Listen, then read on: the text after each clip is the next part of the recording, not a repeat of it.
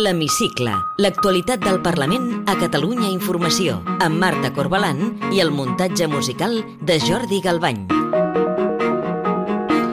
El conflicte pel català a l'escola ha tornat a enfrontar els partits independentistes aquesta setmana al Parlament. La CUP ha pujat el to de les crítiques i ha acusat el president Pere Aragonès de vendre's la llengua. Avui entrevistem el diputat d'en Comú Podem, Lucas Ferro. Benvinguts a l'Hemicicle. La CUP ha tornat a criticar el pacte entre Esquerra Junts per Catalunya, el PSC i els Comuns per modificar la llei de política lingüística amb l'objectiu d'intentar esquivar la sentència que obliga a impartir un 25% de castellà a les aules. L'acord recull que la llengua vehicular continua sent el català, però també fixa el castellà com a llengua d'aprenentatge sense establir, però, cap percentatge.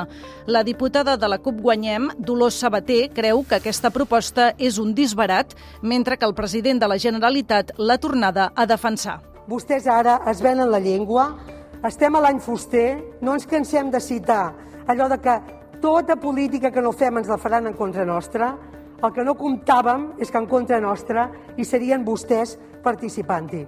No ens venem la llengua. Puc acceptar discrepàncies, puc acceptar que tinguin una opinió, puc entendre eh, que tinguin una posició crítica respecte a les propostes, però no ens poden dir que nosaltres ens venem la llengua. Jo no ho diria mai de vostès. Una setmana més, el conseller d'Educació, Josep González Cambrai, ha estat al centre de les crítiques de l'oposició per la seva gestió de la crisi amb la comunitat educativa. La cap de files dels comuns, Jessica Albiach, ha demanat el cessament del conseller, però el president aragonès es nega a destituir-lo. La seva resposta va ser curta però contundent. Pràcticament després de dos mesos de crisi oberta en l'educació del nostre país, nosaltres volem saber si vostè considera que el conseller Cambrai ha de seguir al capdavant del Departament d'Educació. Sí, tot i demanar el cessament de Cambrai, els comuns, juntament amb el PSC, han evitat la reprovació del conseller com volia la CUP en una moció.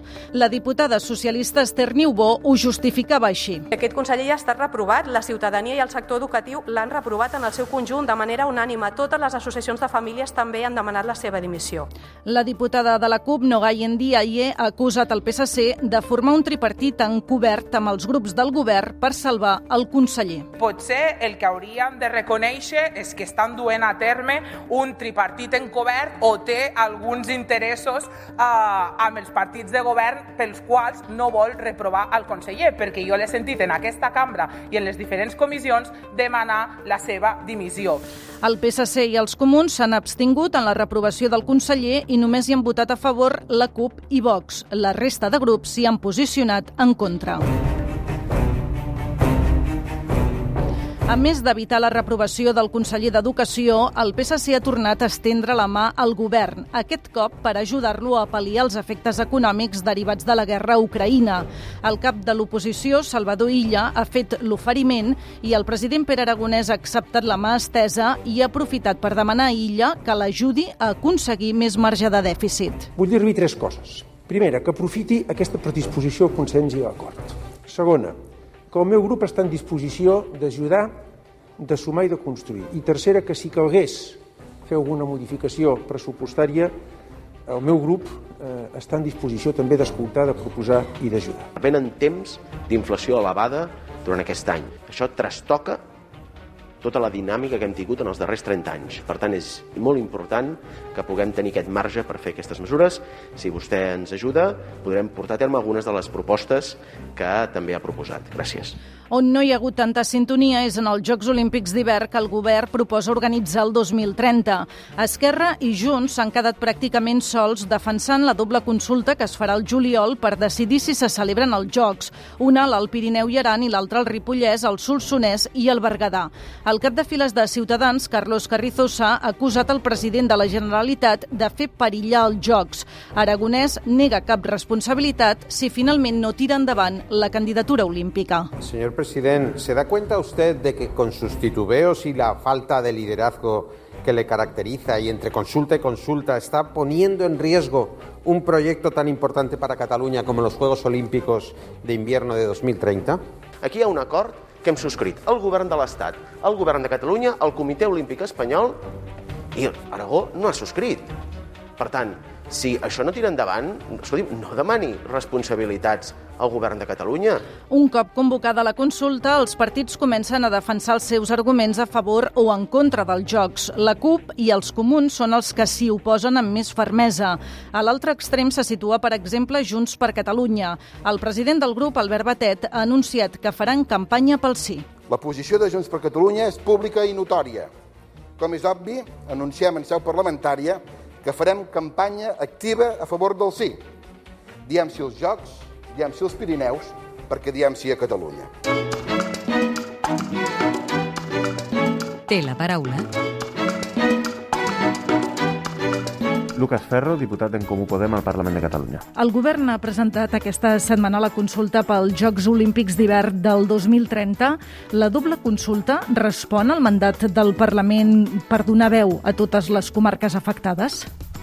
Crec que és evident que el govern ha fet un nyap, i un nyap intencionat. Primer, designant comarques de primera i de segona divisió en aquesta consulta i després trencant el seu compromís de fer-la a la primavera i fer-la el 24 de juliol a veure si és possible desmobilitzar els ciutadans i ciutadanes del Pirineu. Però tot i així crec que és important que els ciutadans i les ciutadanes que viuen en les comarques emplaçades en aquesta consulta surtin, votin i defensin el seu territori. És conegut que en Comú Podem estar en contra que es facin aquests Jocs Olímpics d'hivern. Faran campanya pel no?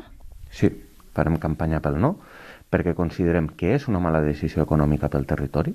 La majoria de Jocs Olímpics d'hivern, per no dir gairebé tots els últims Jocs Olímpics d'hivern, han sigut deficitàries pel territori i el territori n'ha sortit perdent perquè ha desplaçat el turisme que ells havien construït i perquè els ha situat amb infraestructures caduques que ja no tenen cap utilitat i molts territoris i moltes regions que han organitzat els Jocs han decrescut en la seva economia per culpa dels Jocs Olímpics i, a més, és una terrible decisió ambiental que costarà anys i anys de refer el Pirineu. Aquesta setmana ha estat també marcada un cop més per la polèmica del català. La CUP hem sentit com acusava el president Pere Aragonès de vendre's la llengua per la reforma de la llei de política lingüística que estan impulsant precisament el seu grup conjuntament amb Esquerra, amb Junts i amb el PSC. És un bon acord per blindar el català? És un bon acord, perquè la llengua no es ven perquè no és patrimoni polític de cap partit, tampoc de la candidatura d'Unitat Popular, amb la que, amb d'altres coses, tenim moltes coincidències, però amb aquesta no. Som conscients de que la llengua a l'escola ha patit atacs judicials continuats des de fa anys. Som conscients que la nova llei d'educació permet defensar que el català sigui llengua vehicular i, per tant, el model d'escola catalana que hem construït sense percentatges i partint de la base de que el centre del català a l'escola ha de ser el projecte de cohesió social a través de l'aprenentatge del català i les eines pedagògiques de les que disposem, i aquesta és la nostra aposta, i és una aposta que ens permet refer un consens àmpliament erosionat durant aquests anys i és una bona notícia pel català i és una bona notícia per l'educació pública del nostre país. Junts per Catalunya es va despenjar de l'acord unes hores després d'haver-lo firmat i el manté congelat. Creu que finalment ratificarà aquest pacte i es podrà aprovar al Parlament? Crec que sí, és evident que Junts per Catalunya té una deriva tuitaire eh, considerable des de fa anys i que pren decisions mirant més al Twitter que a Catalunya, però crec que és evident que amb el tema de la llengua haurien de deixar Twitter durant 5 minuts, parar-se i reflexionar, i crec que és un bon acord per defensar el català i per defensar l'escola pública catalana. Permetran que les esmenes que introdueixi Junts eh, desvirtuïn el text inicial? les valorarem, però creiem que el text ja garanteix que el català sigui llengua vehicular a l'escola, garanteix, evidentment, que els alumnes adquireixen competències en aranès i en castellà, i per tant entenem que és un model que el que fa és reconstruir el consens de l'escola catalana erosionat política judicialment durant aquests anys i per tant les esmenes les valorarem però entenem que el sentit de la reforma lingüística ha de ser el de preservar el model d'escola catalana. Parlem ara de la guerra d'Ucraïna, que ha alterat també totes les previsions econòmiques. El seu grup, que va facilitar precisament l'aprovació dels pressupostos de la Generalitat el desembre passat, s'ha assegut ja amb el govern per intentar modificar aquests comptes. Hem tingut reunions per estudiar un pla de xoc contra la guerra. En tindrem més, entenem que el govern ha de donar una resposta, si aquesta resposta passa per mobilitzar recursos extraordinaris o passa per modificar el pressupost, nosaltres estem oberts, sempre i quan partim de la base de que la guerra no la poden seguir pagant les classes populars i la majoria ciutadana en aquest país i que, per tant, hem de mobilitzar recursos. I l'eina jurídica que fem, si, si és una reforma dels pressupostos o si movem recursos extraordinaris, per nosaltres és un debat menor i estem oberts a plantejar-la de la forma que sigui. La setmana que ve el president aragonès es tornarà a reunir amb tots els grups parlamentaris per avaluar l'impacte econòmic i social que està tenint aquesta guerra. Eh, què tornaran a plantejar des del seu grup al president aragonès? Creiem que és important fonamentalment dues coses. Aquesta guerra està tenint un impacte important en carburants i en el preu de la llum. Crec que tots els ciutadans en són plenament conscients i, per tant, aquest, de, aquest és l'espai on esgotem totes les competències possibles per donar una resposta, intervenint sobre els beneficis de les elèctriques i mobilitzant recursos per baixar el transport públic.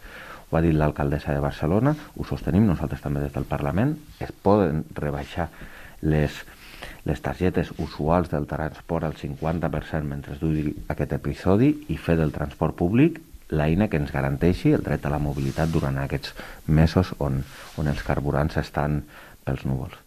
Canviem de tema ara. Eh, aquesta setmana el seu grup ha presentat conjuntament amb la CUP una proposta per canviar la llei de regulació de les festes populars amb bous. Què plantegen exactament? És un debat que ja fa anys que dura a Catalunya. Des de la prohibició de la tauromàquia, els bous es van convertir en una excepció. Avui a Catalunya es fan bous embolats, es maltracten eh, en correbous de modalitats que són molt agressives i que crec que haurien de tindre el qualificatiu de maltractament per part de les administracions públiques i el que fem és reprendre aquest debat per garantir com a mínim que les festes populars amb bous es prohibeixin les modalitats més lesives. Els bous a la platja, els bous capllaçats i els bous embolats, que per nosaltres són una mostra de maltractament convertida en tradició popular que ja no hauria de tindre espai. I a més som conscients que la immensa majoria de Catalunya està ja farta d'utilitzar i de maltractar els animals en festes populars i entenem que el Parlament ha d'intervenir i no pot seguir posposant aquest debat sine dia. No sé si ja n'han parlat, però tenen el suport d'algun grup per tirar endavant aquesta iniciativa legislativa? Per nosaltres, lo fonamental és que els grups polítics donguin llibertat als seus diputats perquè puguin votar en consciència. Si li sembla bé, ens endinsem ara en el terreny més personal i li demano si pot contestar a partir d'ara amb respostes tan breus com sigui possible. Per què va decidir entrar en política?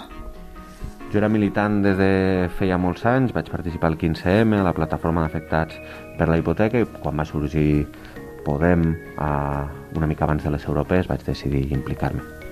Quin diputat o diputada, ideologia a banda, fitxaria per al seu grup? Mm, el Ruben Wagensberg. Està llegint algun llibre? Sí, estic llegint la, la sèrie de John Connolly de Charlie Parker i vaig més o menys pel desè llibre. Sap cuinar? Sí. I si ens convidés a casa seva, què ens prepararia? Oh, difícil pregunta. Mm, uns cachopos, potser. I ja per acabar, completi la frase següent. El que més m'agradaria del món és... Construir una majoria per guanyar Catalunya. Lucas Ferro, diputat d'en Comú Podem al Parlament de Catalunya, gràcies per atendre'ns a l'hemicicle de Catalunya Informació. A vosaltres.